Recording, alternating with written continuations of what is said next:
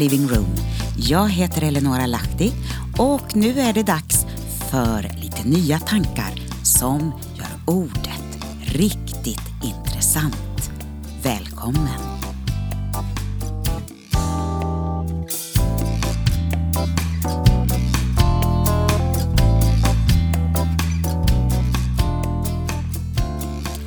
Ja, så var det slut på påskhelgen och påskledighet, för mig i varje fall. En del av er kanske har ett påsklov framför er, så passa på och njut riktigt, riktigt ordentligt av den ledigheten. Förra veckan så berättade jag lite grann kring den judiska påsken och symboliken kring den kopplat till kristendomen. Och nu idag tänkte jag fortsätta lite grann med det.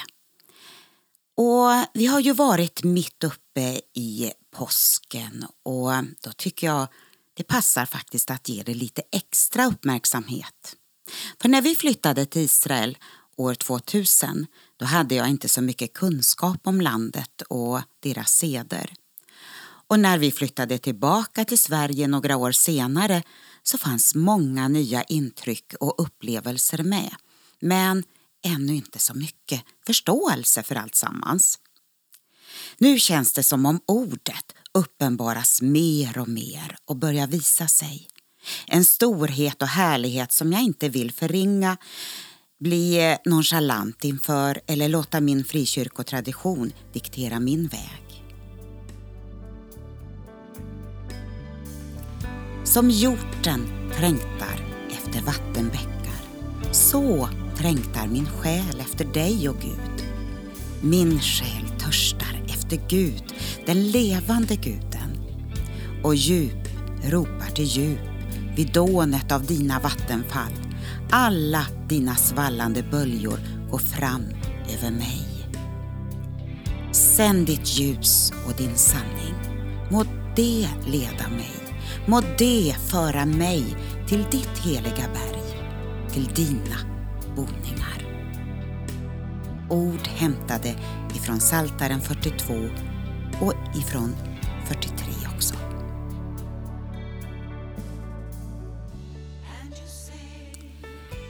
Som sagt, det har varit eh, för judarna den stora förberedelsedagen.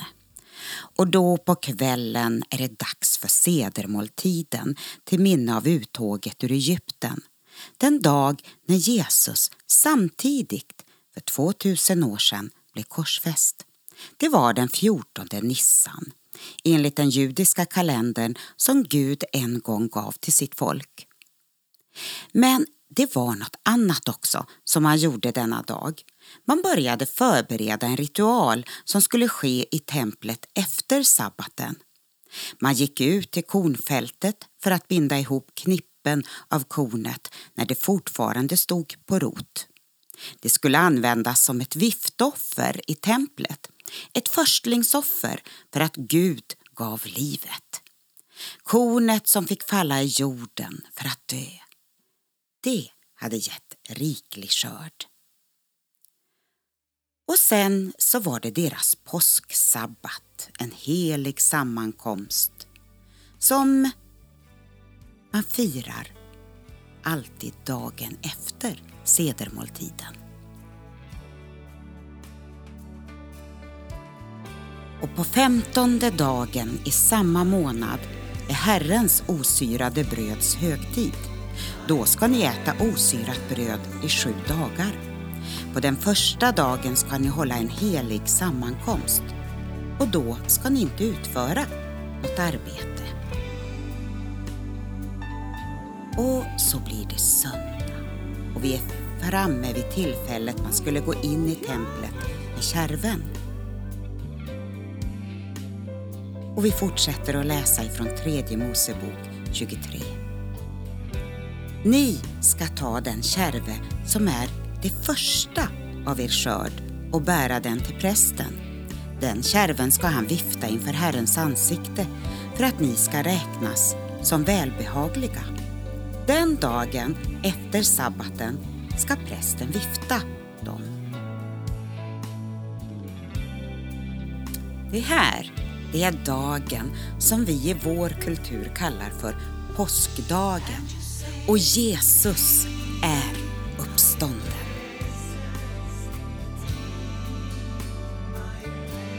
Men nu har Kristus uppstått från de döda som förstlingen av de insomnade.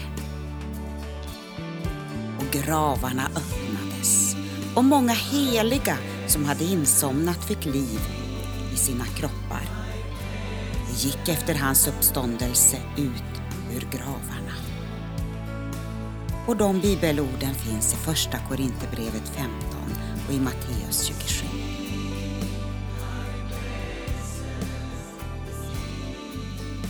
Det här var en förstlingsskörd. Paulus, som kunde sin bibel, han använde deras symbolspråk ofta för att visa på att allt hänger samman. Det finns i Guds ord en tråd, en plan som visar på dåtid, nutid och även vidare in i framtiden. Det finns där insprängt i Guds ord lite överallt. Men eftersom Bibeln oftast under århundraden inte haft den möjligheten att uppenbara en del skriftställen på grund av felaktig tradition och förbud att läsa skrifterna så tror jag nu på en fantastisk tid när Guds ord kommer att uppenbaras som aldrig förr. Ja, bara vi läser den. Vi har löften om det för den här tiden men det kommer inte att gå av sig själv. Judarna, det packet, skulle man ju inte ha att göra med, enligt Konstantin. Och han började diktera kristendomens utveckling under 300-talet. Men hur är det nu med att Jesus skulle uppstå på tredje dagen? Många frågar och undrar, för det låter ju lite märkligt hur man än försöker räkna dagarna. Dagen börjar ju på kvällen innan för judarna och då blir det väl kanske så, säger en del. Jesus sa i Matteus 12 Liksom Jona var i den stora fiskens buk i tre dagar och tre nätter. Så skall Människosonen vara i jordens inre i tre dagar och tre nätter. Okej, vi kan göra små tankeexperiment med hjälp av matematik. Och vi inser att 1 plus 1 plus 1 är 3 dagar. Och 1 plus 1 plus 1 är tre nätter. Om vi utgått ifrån att Jesus uppstod på en söndag, ja, eftersom det ska vara efter sabbaten han uppstod, så måste ju det vi kallar långfredagen egentligen vara en torsdag. Jesus åt sedermåltiden på onsdag kväll. Och på torsdag den 14 Nissan var det korsfästelsen och den stora beredningsdagen. Och fredag blev påsksabbaten som vi nyss läste om i tredje Mosebok 23 som skulle infalla dagen efter. Och lördag Ja, det var ju deras vanliga veckosabbat. Det kunde alltså ha varit en dubbelsabbat det året eftersom påsken infaller olika dagar varje år. På söndagen är det uppståndelsen och viftoffret i templet. Så nu är vi framme vid den 17 Nissan. Ja, jag kan inte helt säga att det är så, men logiken tycker jag blir tydlig. När man på 300-talet ändrade kalendern så tror jag att man slarvade sig igenom det här. Beredelsedag, ja, det måste ju vara fredag. Och Jesus uppstod efter judarnas sabbat. Ja, men det måste väl vara söndag då? Under det första århundradet firades uppståndelsen den 17 Nissan av den första församlingen oberoende av veckodag och forskare menar att den 17 Nissan sammanföll med offrandet av förstlingskärven det år Jesus dog. Ja, hmm. ja, man kan ju undra. Och rör det här mig?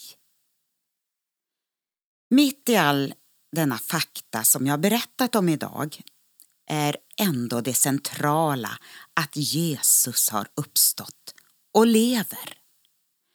Och Det jag vill uppmärksamma och peka på är att det finns ett djup i Guds ord som inte bara ska trigga ett intellektuellt sinne. Nej, det finns en sån storhet i Guds ord som vill uppväcka vår längtan att dagligen leva i detta. Ja, som sagt, jag är ingen teolog, men jag tror att det finns rikedomar för oss alla att längta efter, att upptäcka. Guds välsignelse över dig och må Herrens ljus upplysa våra hjärtan. Att förstå hans ord. Tack Jesus, tack Jesus, tack Jesus, tack Jesus, tack Jesus, tack Jesus,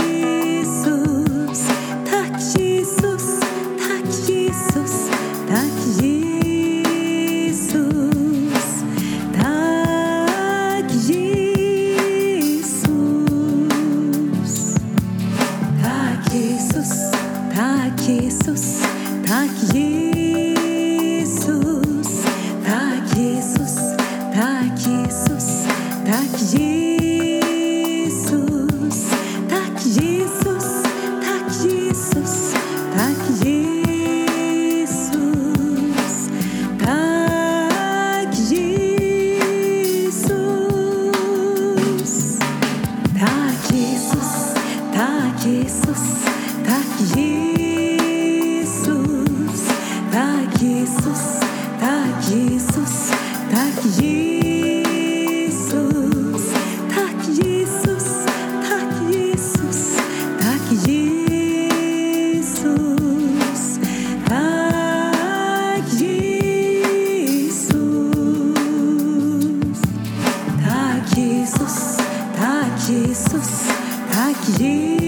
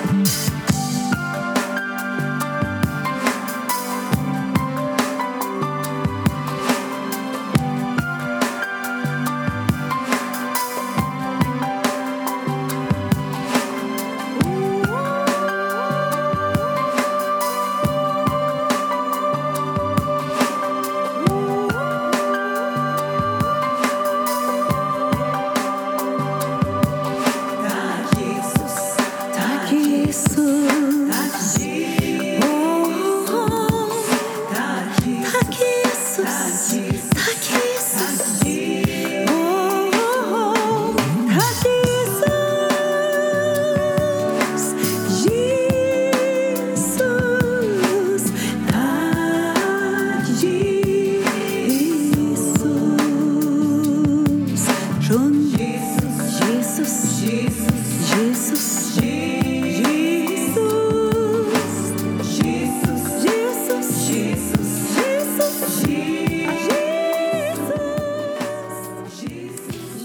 Fortsätt att prisa och tacka Jesus där du är. Det här var allt ifrån mig, Eleonora Lahti, in my living room. Blessings.